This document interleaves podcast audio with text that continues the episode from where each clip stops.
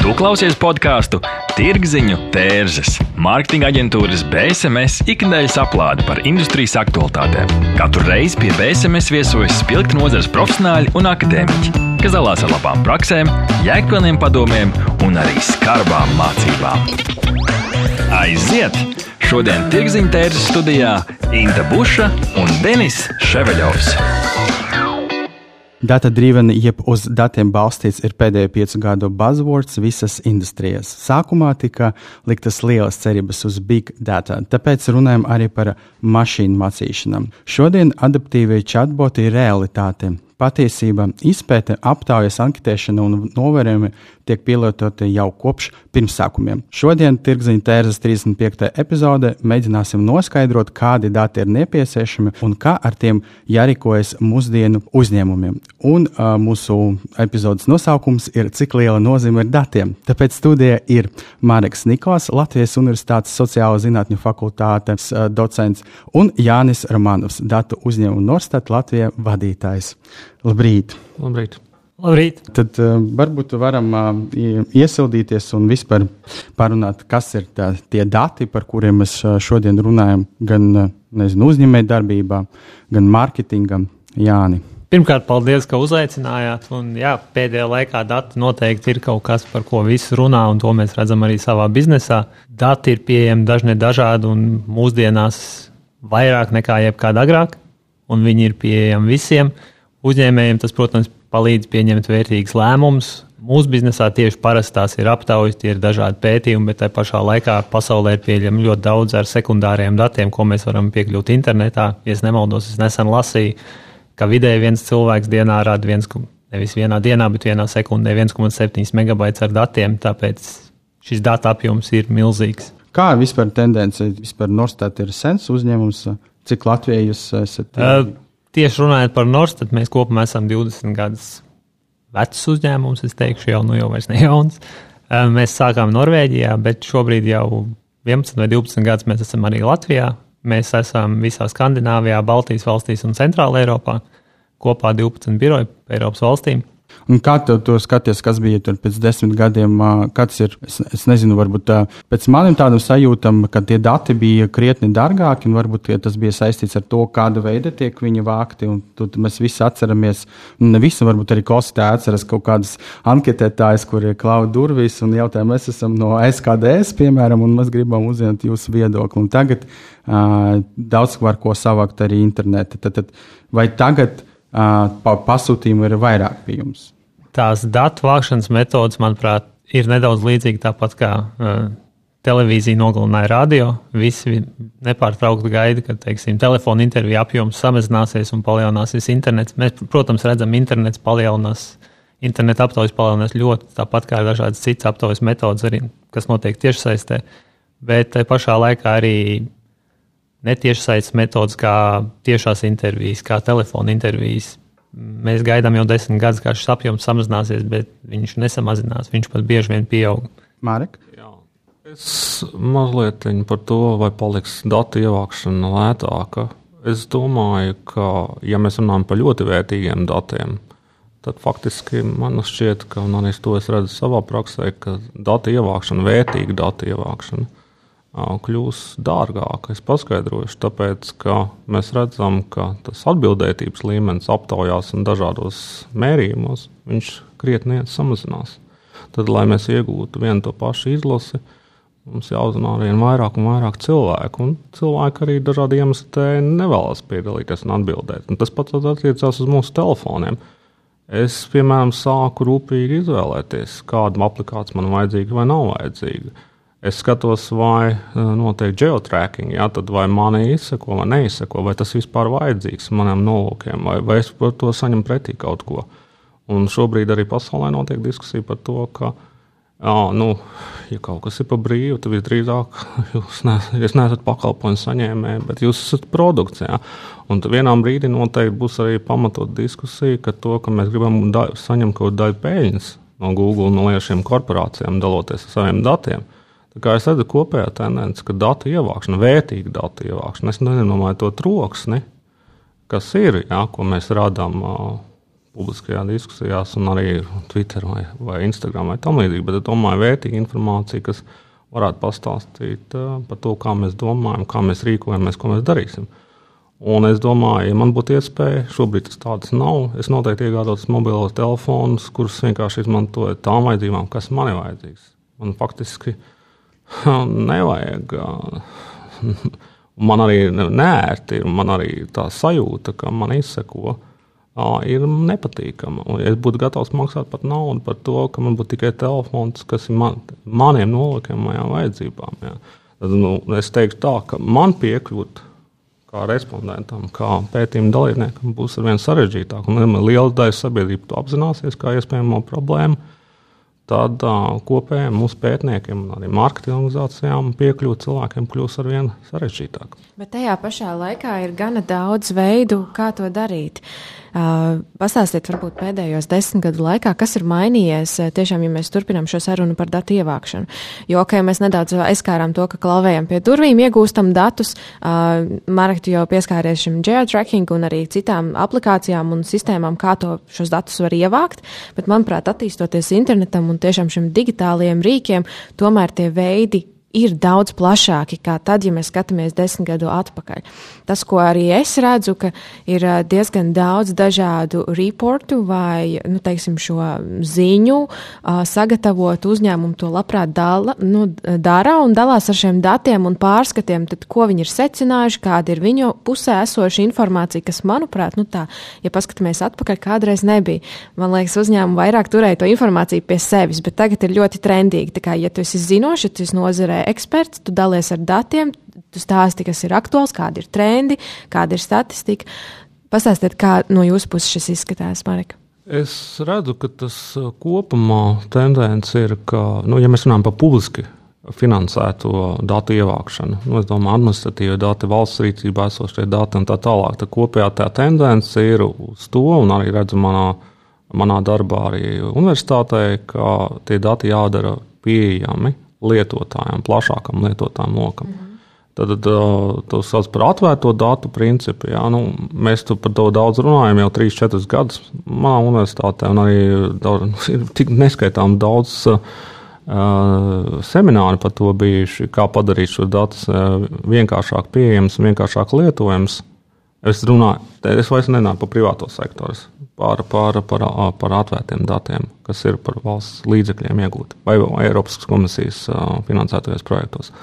Nu, ka, bet uh, problēma ir tāda, ka nu, nevar teikt, ka mums ir kaut kāds vienots formāts, kā to datus pieejams padarīt. Jo ir dažādas platformas, ir dažādi veidi, kā atspoguļot datus. Jā.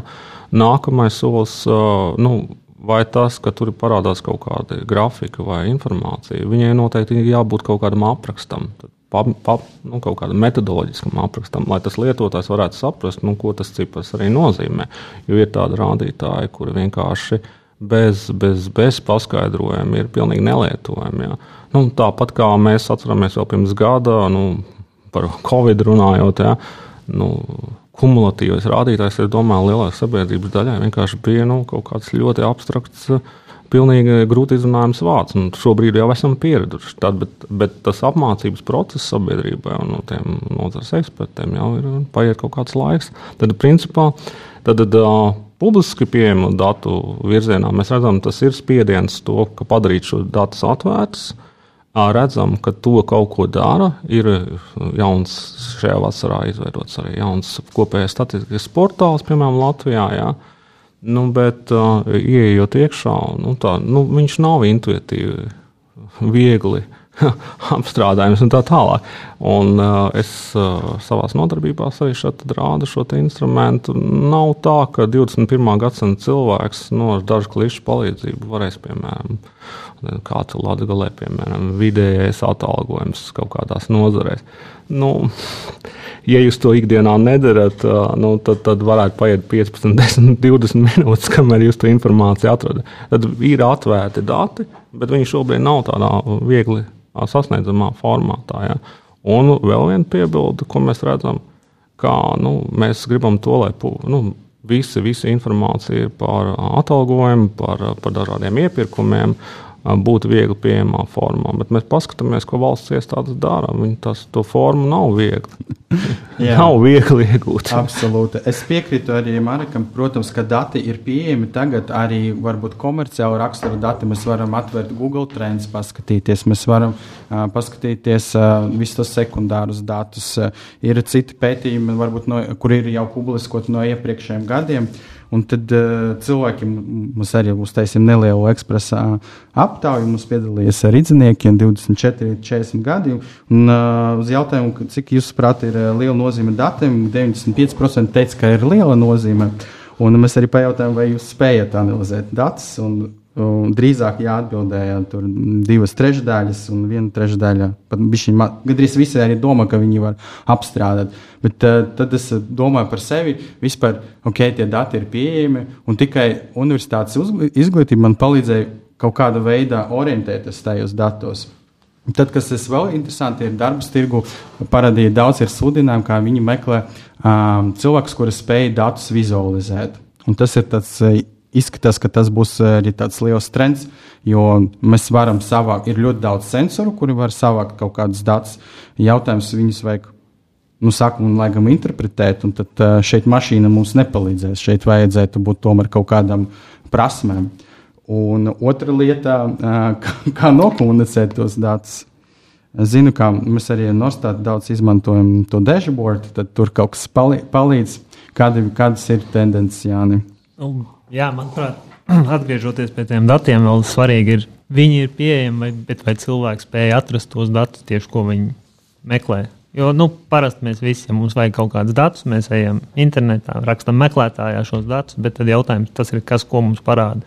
Šis varbūt nav piemērs tieši par datiem, tas mēs citai prezentācijai taisījām, bet, teiksim, jūs angliski ierakstīsiet meklētājā profesionāls frizūras, Tad pirmais, ko viņš parādīs, tie būs jauni balti vīrieši. Ja jūs ierakstīsiet neprofesionāls frizūras, tās būs tumšādainas sievietes. Nu, tas ir vienkārši pēc tā, uz kā cilvēku vairāk klikšķina, tāpat meklējot teiksim, datus par šo pasu, kas šobrīd ir aktuāls Covid-19, meklējot, ir ļoti daudz datu. Vai mēs atradīsim tos pareizos datus, jo šobrīd arī ir ļoti viegli radīt dažādas datus, gan pareizes, gan nepareizes. Tā ir kaut kāda tendence, ko mēs redzam, un, protams, atšķirībā no publiskā sektora, privātajā sektorā, mēs redzam to, ka Ļoti daudz kompānijas pēta, kompānijas pēta noteikti vairāk nekā pirms desmit gadiem. Bet, protams, visi šie dati netiek publiskoti, jo ļoti daudz biznesa lēmumu tiek pieņemti balstoties uz šiem datiem, un daļa no tā ir komercnoslēpums. Tāpēc ir jautājums, tas, cik daudz no šiem datiem vai netiek publiskot tikai selektīvi dati un kā šīs aptaujas tiek veikts. Bet kā mūsu klausītājiem saprast, uh, un kādi būtu tie jūsu ieteikumi, kad saprast, ok, šie ir korekti dati, šie nav korekti. Uh, diezgan daudzi, protams, uh, arī pēdējo vismaz pusotru, divu gadu laikā ir ļoti daudz runāts par informācijas avotu, cik tas ir uzticams. Marek, tu jau pieskāries arī metodoloģijai. Kas būtu vēl tie jūsu ieteikumi, kad mūsu klausītājiem tiešām pašiem izpriest, vai šie dati ir uzticami vispār? Es vakardien tieši nodarbībā rādīju studentiem nu, salīdzinājumu maciski rakstošos mēdījus ar, piemēram, ekonomistu. Nu, protams, ļoti atšķirīgi ja? kalibra un arī kvalitāte. Un uh, ekonomists, kas ir privāta organizācija, uh, ja viņi kaut ko publisko, tad viņi atbildīgi par publiskoto informāciju. Un kas, kas to ietver? Protams, tur bija vizuālā informācija, tur ir apraksts un vispārējais, kas interesē parastu lietotāju. Bet tajā brīdī, kad viņi kaut ko publisko, nu, pieņemsim, ne, nu, pēdējos ASV prezidenta novērtējumu reitingus, ja, tad viņi uzreiz, viņam ir atsevišķas saites, viņu uh, datu pirmavots, viņu datu apraksts, dažādi ekselīši, dažādi algoritmi. Tad, principā, speciālistam, izmantojot papildus informāciju, viņi var nonākt pie tiem pašiem secinājumiem. Tad, jā, tad ekonomists saprot, ja viņi kaut ko apgalvo, ka tā ir, tad viņam tas jāpamanot ne tikai ar apgalvojumu, bet arī ar tiem pirmdatiem un arī ar, ar attiecīgo aprakstu. Lai jebkurš speciālists, es nesaku vienkārši lietotājs, bet viens speciālists ar šo algoritmu, ar šo aprakstu var iegūt to pašu rezultātu, replicējumu rezultātu, tā saucamā. Ja? Tā, tā ir privāta organizācija. Viņam it kā tas nebūtu jādara, bet viņi grib vienkārši būt pārliecinoši, viņi grib pārdot savu produktu, tad viņi sevi pozicionē to, ka mēs esam uzticams informācijas avots. Ja jūs neticat, skatieties, ko mēs esam izdarījuši. Tāda ir. Nu, cik daudz viņi var, piemēram, nu, komerciāla informācija atklāt, tas ir kas cits. Bet, piemēram, ja viņi kaut ko apgalvo publiski, tāda jābūt kaut kādam apakšā, kaut kādam aprakstam, vai, vai pirmdatiem, vai algoritmiem. Jebkuras platformā, ko viņi te darīja. Nu, pieņemsim, es skatos, tur ir CSV formāts, nu, tas, kā mums separated value. Uzreiz, jebkura platforma, neatkarīgi no tā, vai jūs varat paskatīties, ah, viņi nonāk pie tādiem secinājumiem, ah, ar tādu algoritmu palīdzību. Viss, ah, es, es šim te avotam varu uzticēties. Ja? Vai to var panākt vispār nu, tā ikdienas dzīvē, nu, masu mēdījos, piemēram, Latvijā? Nu, protams, tas prasa arī nu, zināmu laiku, tad tā ziņa ne, nekļūs lētāka, viņa kļūs dārgāka. Ja tur parādās kaut kāds atspoguļojums balstīts uz kaut kādu datu aprēķinu. Ja. Nu, nu, cik daudz mēdīņu organizācijas, piemēram, varētu atļauties, nu, tad ir pilnīgi saprotams, ka uh, nu, tas Delfi vai kāds TVNet abonents nemaksās vairs 1 vai 2 vai 3 eiro mēnesī, bet viņam vajadzētu maksāt cik, cik faktiski, piemēram, ekonomikas gadījumā, nu, varētu kaut 20 eiro mēnesī. Šāds informācijas izklāsts maksātājiem. Tas viss attiecās arī to, cik liels mums tirgus, cik maksātspējīgs šis pie, nu, pieprasījums pēc šāda veida analīzes un datiem. Un faktiski, ja mēs paskatāmies Economist Group, viņi jau lielākoties nepelnā to, ka viņi ražo šo žurnālu. Žurnāls iespējams rada tikai zaudējumus. viņi nodarbojas ar analīzi. Ja tad žurnāls ir tikai tā reklāmas izkārne. Nu, tad, tad, tad mēs redzam, cik mēs esam krūti. Ja? Nu, tad, nu, ja jūs gribat uh, saņemt uh, detalizēts pakalpojums tieši jums, tad uh, maksājiet, nāciet pie mums. Un, un tas ir tas, ko dara. Tad mēdīja organizācija ir tikai, tikai daļa no tā, tās grupas, ja pieņemsim. Pārējais ir saistīts ar dažādu veidu datu analīzi. Jā, es domāju, no savas puses vēl pateikt, ka jebkurš cilvēks, es absolūti piekrītu cilvēkiem, kas saka, ka viņi spēj analizēt datus. Jebkurš kaut kādā līmenī no mums spēja analizēt datus. Nu, atšķirās tikai līmeņi, kādā mēs viņus analizējam. Bet tas pirmais solis, jā, es absolūti piekrītu, būtu jānorāda tas avots, no kurienes un vismaz kaut kāda pamatdata par to, kā šis pētījums vai kā šie dati ir iegūti. Nu, tāds vienkāršs piemērs, teiksim, kurš veids šo pētījumu, cik bija respondenti. Jo nu, es esmu redzējis arī ļoti daudz piemēru, teiksim, Latvijas presē, ka ir kaut kas zīmols X, ir tik un tik populārs, un tad beigās izrādās, ka aptauja ir veikta, zīmola X Facebook mājaslapā starp sekotājiem. Nu, kas nav īsti objektīvs teiksim, rādītājs. Nu, šis ir kaut kāds pirmais un skaidrs, ka jebkurš parastais iedzīvotājs viņš tic kaut kādiem zīmoliem, viņš tic kaut kādiem mēdījiem. Tā ir viņa izvēle. Mēs visi kļūdāmies arī mēdījos. Es absolūti ticu arī, ka ekonomisti kaut kādā brīdī noteikti kļūdās.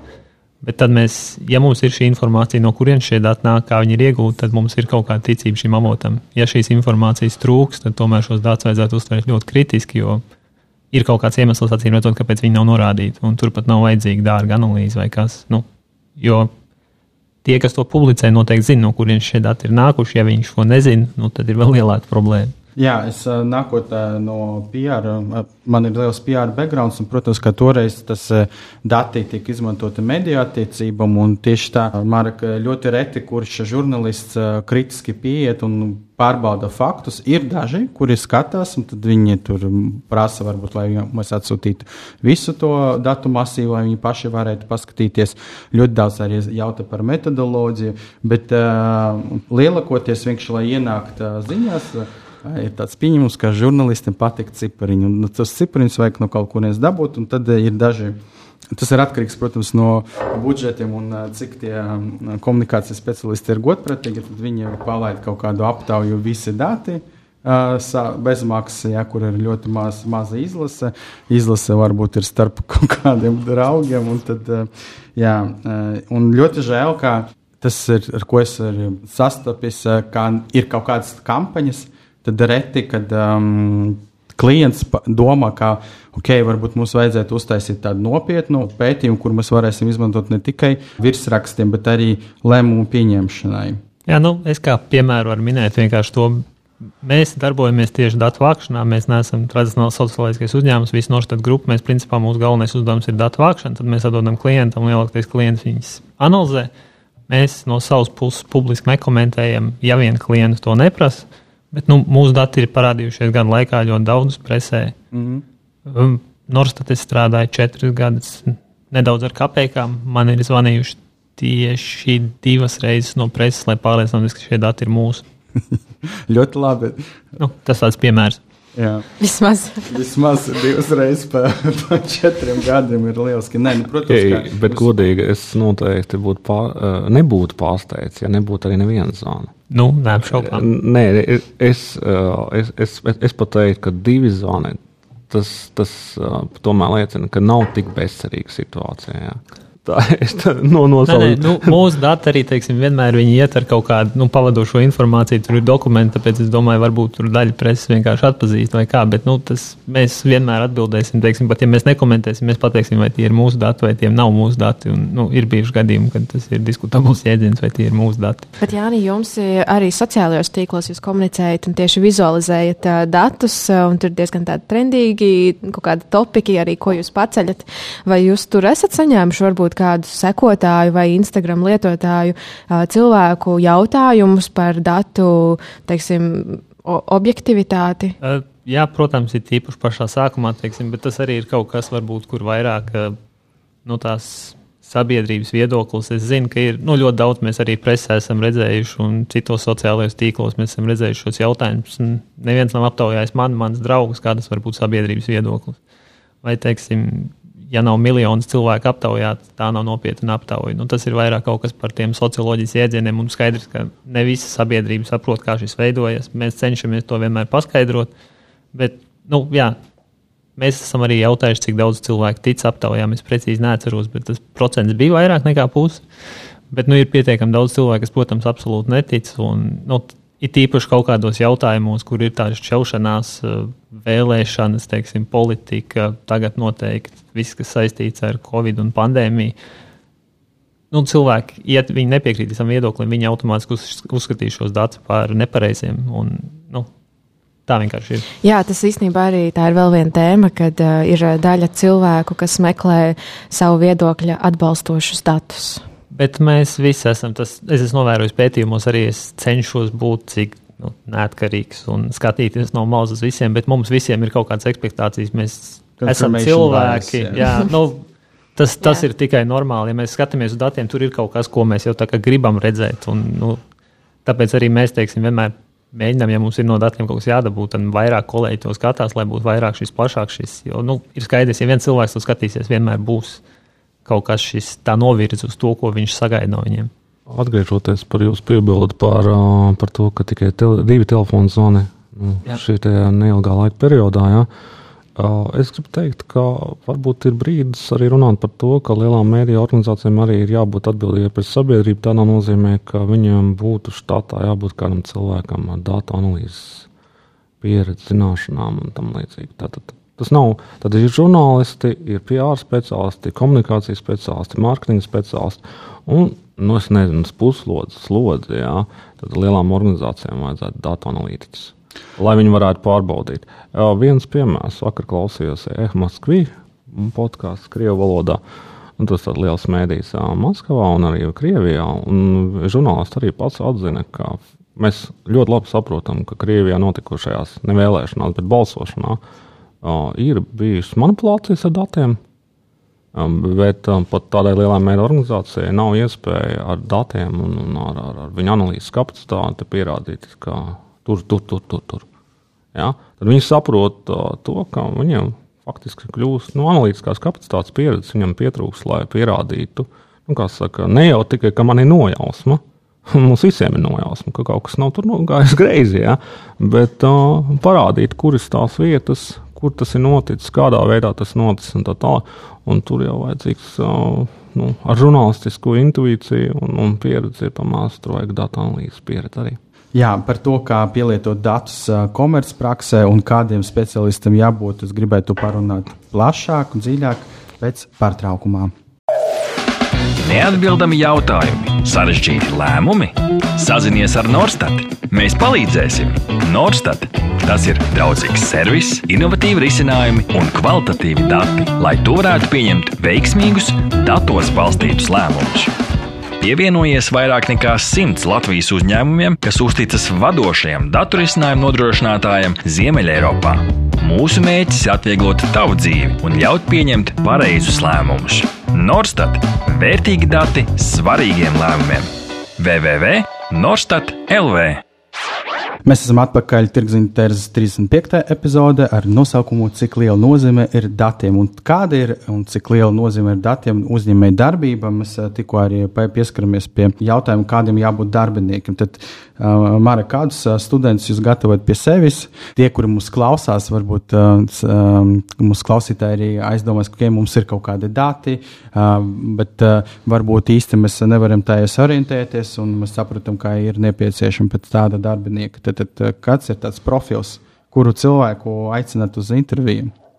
Mm, es sākšu to, ko Latvijas Universitāte mūsu sociālajā ziņā fakultātē sagatavot. Ir, es esmu pats iesaistīts docēšanā komunikācijas uh, programmā un vēl uh, socioloģijas, uh, socioloģijas uh, dažādas bakalaura un maģistra programmās. Nu, lūk, uh, es nedomāju, ka man jāatzīst, jā, jābūt paškritiskam, ka mēs varam sagatavot uh, speciālistus, kas būtu nu, gatavi ja, augstākā līmenī strādāt ar lieliem datu masīviem. Um, kaut kādas iemaņas ir, un uh, daudz mums beidzēja strādāt, piemēram, lielās organizācijās kā Kantāra un, un, uh, un SKDS, un pat šķiet arī ir bijis arī kaut kāda, nu, pārunu tajā, es arī saprotu, Norstat ir strādājis arī kādu laiku mūsu fakultātes beidzēja. Vai viņi šobrīd strādā, to es nezinu, bet ir iepriekš arī strādājuši, to es zinu. Nu, ka, mēs sagatavojam cilvēkus šīm, šīm lielām pētnieciskajām organizācijām, bet vai viņiem tur nu, ir tās nepieciešamās pieredzes, lai strādātu ar dažādu veidu datiem, gan, gan tirgus, gan, gan arī publisko pētījumu jomā, es domāju, ka nē, nu, mums šīs kapacitātes nav. Ja? Kāpēc? Nu, tāpēc, ka jāsaka tā, nu, programma nesāsta tikai, tikai datu analīzes virziens. Tas ir viens no. Jā, nu, nu, pieņemsim, komunikācijas maģistra programmā mm, kvantitīviem pētījumiem atvēlēts viens mācību priekšmets divu kredītpunktu apjomā visu divu gadu periodā. Okay, kur var pienācīgā apjoma to apgūt? Es saprotu, ka tas ir tomēr, es teiktu, tas ir vairāk universitātes līmeņa izglītība. Es tā gribu ticēt, es nezinu, varbūt ir kaut kāda kursiņa, varbūt arī Skillshare ir noteikti desmit stundu kurs, kur varētu apgūt tādas zināšanas. Tad, tad kādam prasmēm jābūt, kur, kur var apmācīties, kādas grāmatas var palasīt. Nu, es pabeigšu par to par universitāti, ko es labāk pazīstu. Es jāsaka, godīgi, e, te arī viena mana, mana problēma, ja, un kopējā mūsu universitātes docētāja problēma ka mēs ļoti labi zinām, kas notiek universitātē un akadēmiskajā vidē, bet uh, mums ir diezgan uh, maza vai epizodes saskarsme ar privāto sektoru. Nevar teikt, ka pilnīgi nekāda. Es esmu strādājis, uh, praktizējies un tā tālāk, bet tāda nav tā, ka es, piemēram, līdzīgi kā Amerikā, kad profesors nostrādā desmit gadus, piemēram, uh, kaut kādā privātā organizācijā, un viņš ir uzkrājis pieredzi, un tagad viņš grib padalīties ar studentiem. Nu, tā kā mēs ceļot no vienas uz otru sfēru, tā nav. Nu, faktiski mums ir diezgan, diezgan tāds. Nu, akadēmisks tas vir, virziens, ja, un ar, ar mazu, mazu piešķirtu no privātā sektora. Es gan gribētu, lai būtu bijis līdzsvarotāk. Ja. Bet atgriežoties par to Latvijas universitāti, nu, ir mums matemātikas fizikas fakultātē, kurš sagatavo statistiķus. Ja. Uh, Bet tur uh, cita lieta. Nu, viņiem ir stipri, stipri tas nu, ciparu formāts. Nu, pilnīgi skaidrs, ka nu, es pats arī esmu piedalījies dažos mācību kursos, ka nu, tas sociālais iztrūkst. Ja. Tad cipari un cilvēki, nu, viņiem jāsatiekās kaut kādā mirklī. Man ir aizdomas, ka statistikas, statistikas kursā tur drīzāk vairāk draudzējās ar cipariem, nevis cilvēkiem. Jo ir pilnīgi skaidrs, ka nu, tie dati, ko mēs iegūstam no aptaujām, vai no, no novērojumiem, vai no mobiliem telefoniem, tie ir netīri. Nu, tas tādā nozīmē, ka viņi nav reiz lietošanai gatavi. Tur nevar uzmodelēt matemātikas modeļus. Tur viņi ir stipri, stipri jātīra un jāsaprot, kā tos tālāk interpretēt. Nu, es šaubos, ka, ka nu, mēs esam atraduši to zelta vidusceļu. Jā, jā es Es nezinu, vai es gluži piekritīšu to, ka. Nu, es domāju, ka jūs sagatavojat noteikti ļoti labus speciālistus, bet es piekritīšu, ka nu, pieredze nozarē ir arī ļoti, ļoti nozīmīgi, jo nu, universitātes nevar iedot visu to, kas, nu, kas notiek un kāda ir specifika katrai teiksim, pētījuma kompānijai un kāda īpaša rīka. Jo, manuprāt, tas arī Nu, es zinu vairāk konkrēti par Norstad, bet es zinu arī par citām pētījumu kompānijām. Ir ļoti daudz kaut kādu produktu, kas ir tikai unikāli šai pētījumu kompānijai, kas ir izstrādāta metodoloģija, un tas ir komerces noslēpums. Visticamāk, universitāte to pat nevar iemācīt, jo vienkārši nu, viņiem nav pieeja šiem rīkiem.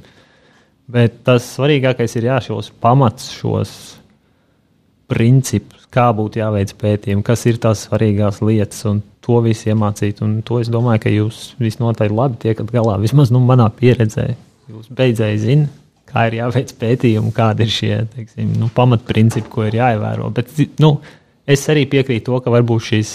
E, es pats gan neesmu sociologs, arī tāpēc man ir grūti, grūti pateikt, bet man ir radies šis iespējas, jā, teiksim, ka tas privātais sektors ir diezgan tālu un tas, teiksim, tas akadēmiskie pētījumi un biznesa pētījumi, ka tās ir nu, tā pilnīgi divas atsevišķas nozares, kas ļoti reti kur pārklājas. Tas varbūt ir jā, no abām pusēm. Gan mēs varam vairāk iet uz universitāti, gan varbūt jūs varat vairāk mūs aicināt. Kas, bet nu, tas, tas noteikti, noteikti uz nākotni es absolūti ticu, jo vairāk mēs šos datus izmantosim un mēs redzam to pieprasījumu pēc datiem vairāk, jo arī šī izglītība un viss pārējais noteikti tam vairāk piemērosies. Un es domāju, ka ne tikai tā ziņā, kā socioloģijā teiksim, vai statistiķiem vairāk mācīs šīs abas lietas, bet arī daudz vairāk uzņēmēju darbībā, mārketingā, PR, un tur mācīs daudz vairāk šīs analīzes lietas un statistikas lietas. Jā, es, es pilnīgi piekrītu Jānis tev par to, ka dažādās programmās kaut vai pamatiem būtu jābūt. Diezgan daudz publiskajā telpā līdz dažādi nākotnes profesijas, top prasmes, kas ir vajadzīgas un būs vajadzīgas tuvākajos desmit gados. Tu, protams, vienmēr šādā vai tādā formātā ir kaut kas saistīts ar datiem.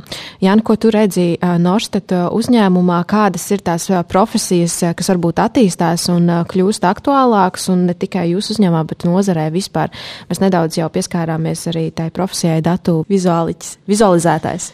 Datu vizualizētājs cilvēks, kas uh, interpretē šos datus, saliek skaistās diagrammās un ērti, viegli uztverami jebkuram sabiedrības loceklim, uh, tad vai arī redz, ka šis uh, kļūst tikai aktuālāk un varbūt ir vēl kādas citas profesijas? Un, uh, šis pilnīgi noteikti kļūs aktuālāk, lai gan te arī ir ļoti daudz dažādi IT risinājumi, kas šo palīdz darīt. Un, nu, tā IT sadaļa noteikti tā ir lieta, ko mēs redzam gan attīstot šos dažādos vizualizācijas risinājumus, gan dažādas jaunas metodas, kā šos datus izmantot mašīnu mācīšanos un mākslīgo intelektu. Arī mēs pie tā visi strādājam. Bet nu, tas viens noteikti, ko mēs arī redzam, jo vairāk ir dažādi veidi aptaujas. Uh, nu, teiksim, kaut vai mūsu programmētāja departaments, kas programmē fiziski šīs aptaujas, arī viņš nepārtraukti aug. To mēs redzam.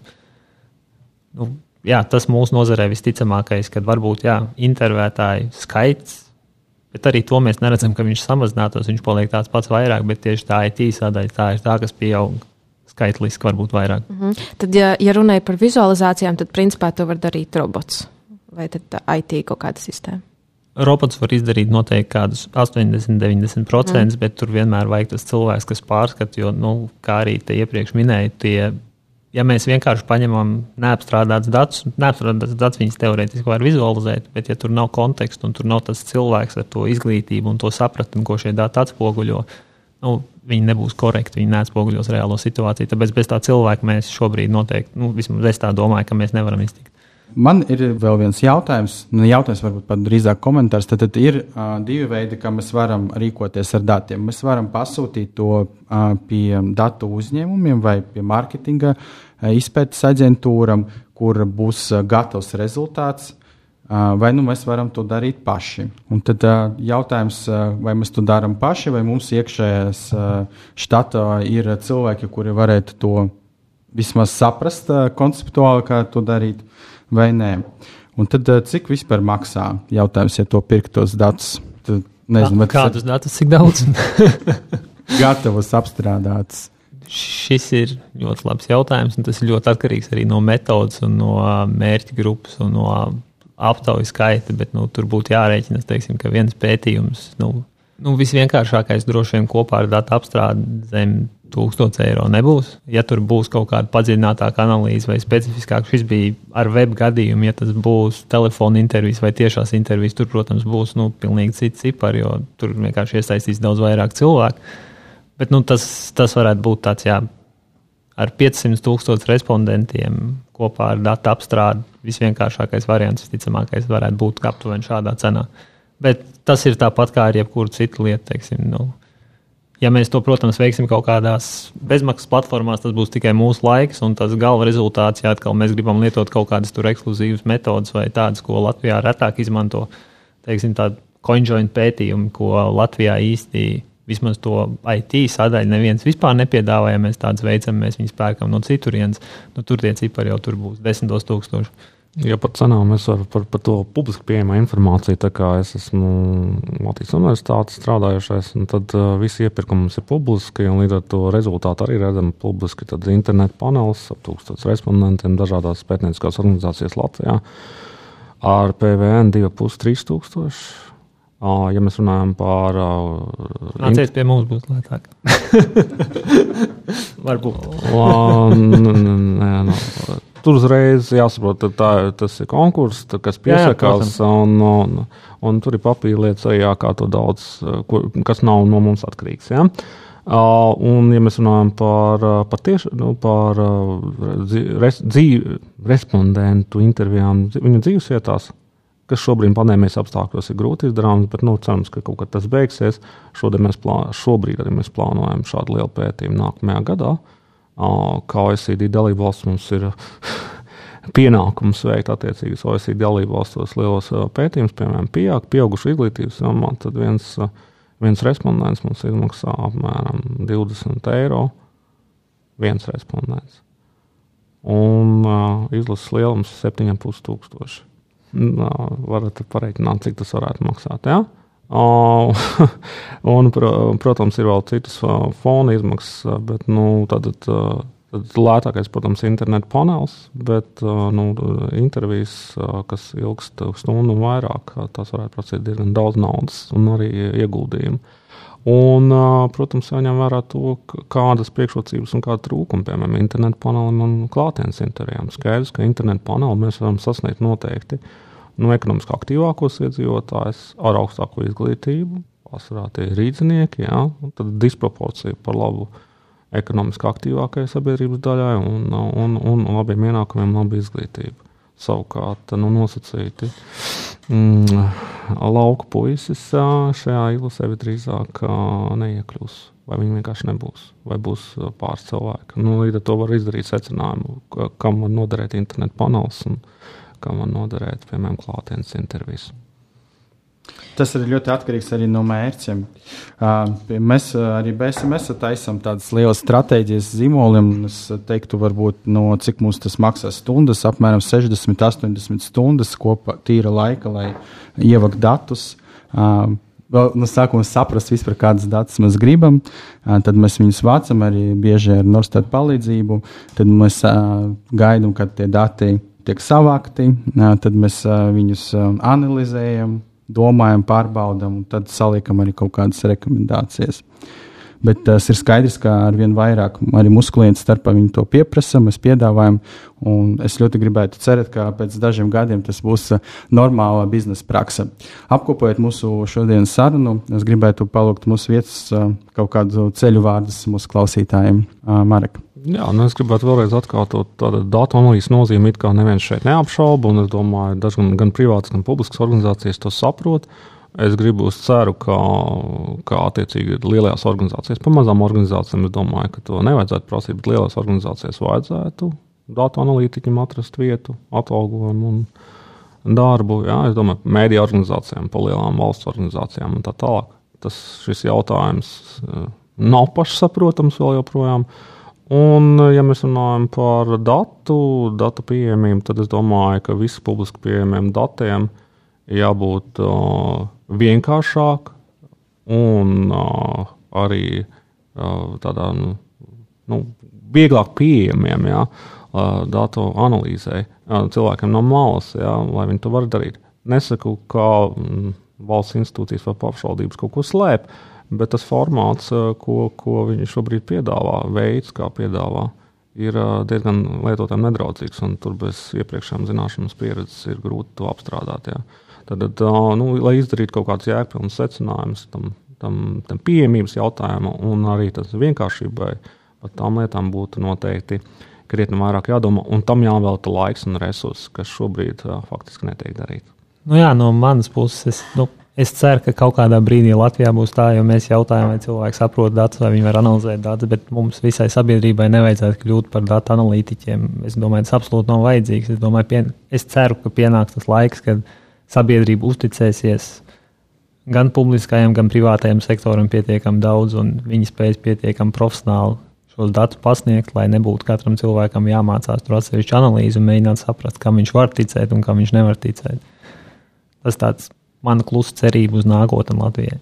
Man tomēr uh, gribas nedaudz Jāni tevi oponēt, jo man šķiet, nu, daļa no kritiskās domāšanas ir izpratne arī par uh, datu, uh, teiksim, to, kā veidojas dati un kā viņus tad interpretēt arī pašam. Īsnībā es tagad tā klausos un domāju, esmu ļoti priecīga par to, ka mana pati pirmā izglītība, mans bakalaurs ir Latvijas Universitātes sociālo zinātņu fakultātē kā politologam, un arī mums bija jāmācās socioloģija tieši pie Mareka un neviens vien kurs. Tā kā es visiem klausītājiem ievē, novēlu tiešām uh, mācīties. Uh, to, kā interpretēt datus, kā analizēt, kā ar viņiem strādāt. Tas bija ļoti grūti. Es atceros, toreiz tās bija tādas mocības, bet ļoti noder nākotnes karjerā. Un, ja jūs nezināt, kur jūs varat to darīt, es mūsu klausītājs iedrošinu apskatīt at, atvērtas vai atklātas. Atvērta universitāte, gan LU, ir, gan RSU, gan RTU, un var izvēlēties atsevišķus priekšmetus un papildināt savas zināšanas, un pēc tam arī pielietot uh, savā praksē.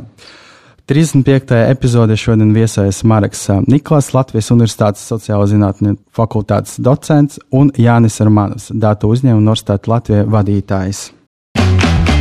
Paldies, ka klausījāties BSMS podkāstu Tirziņu tērzes.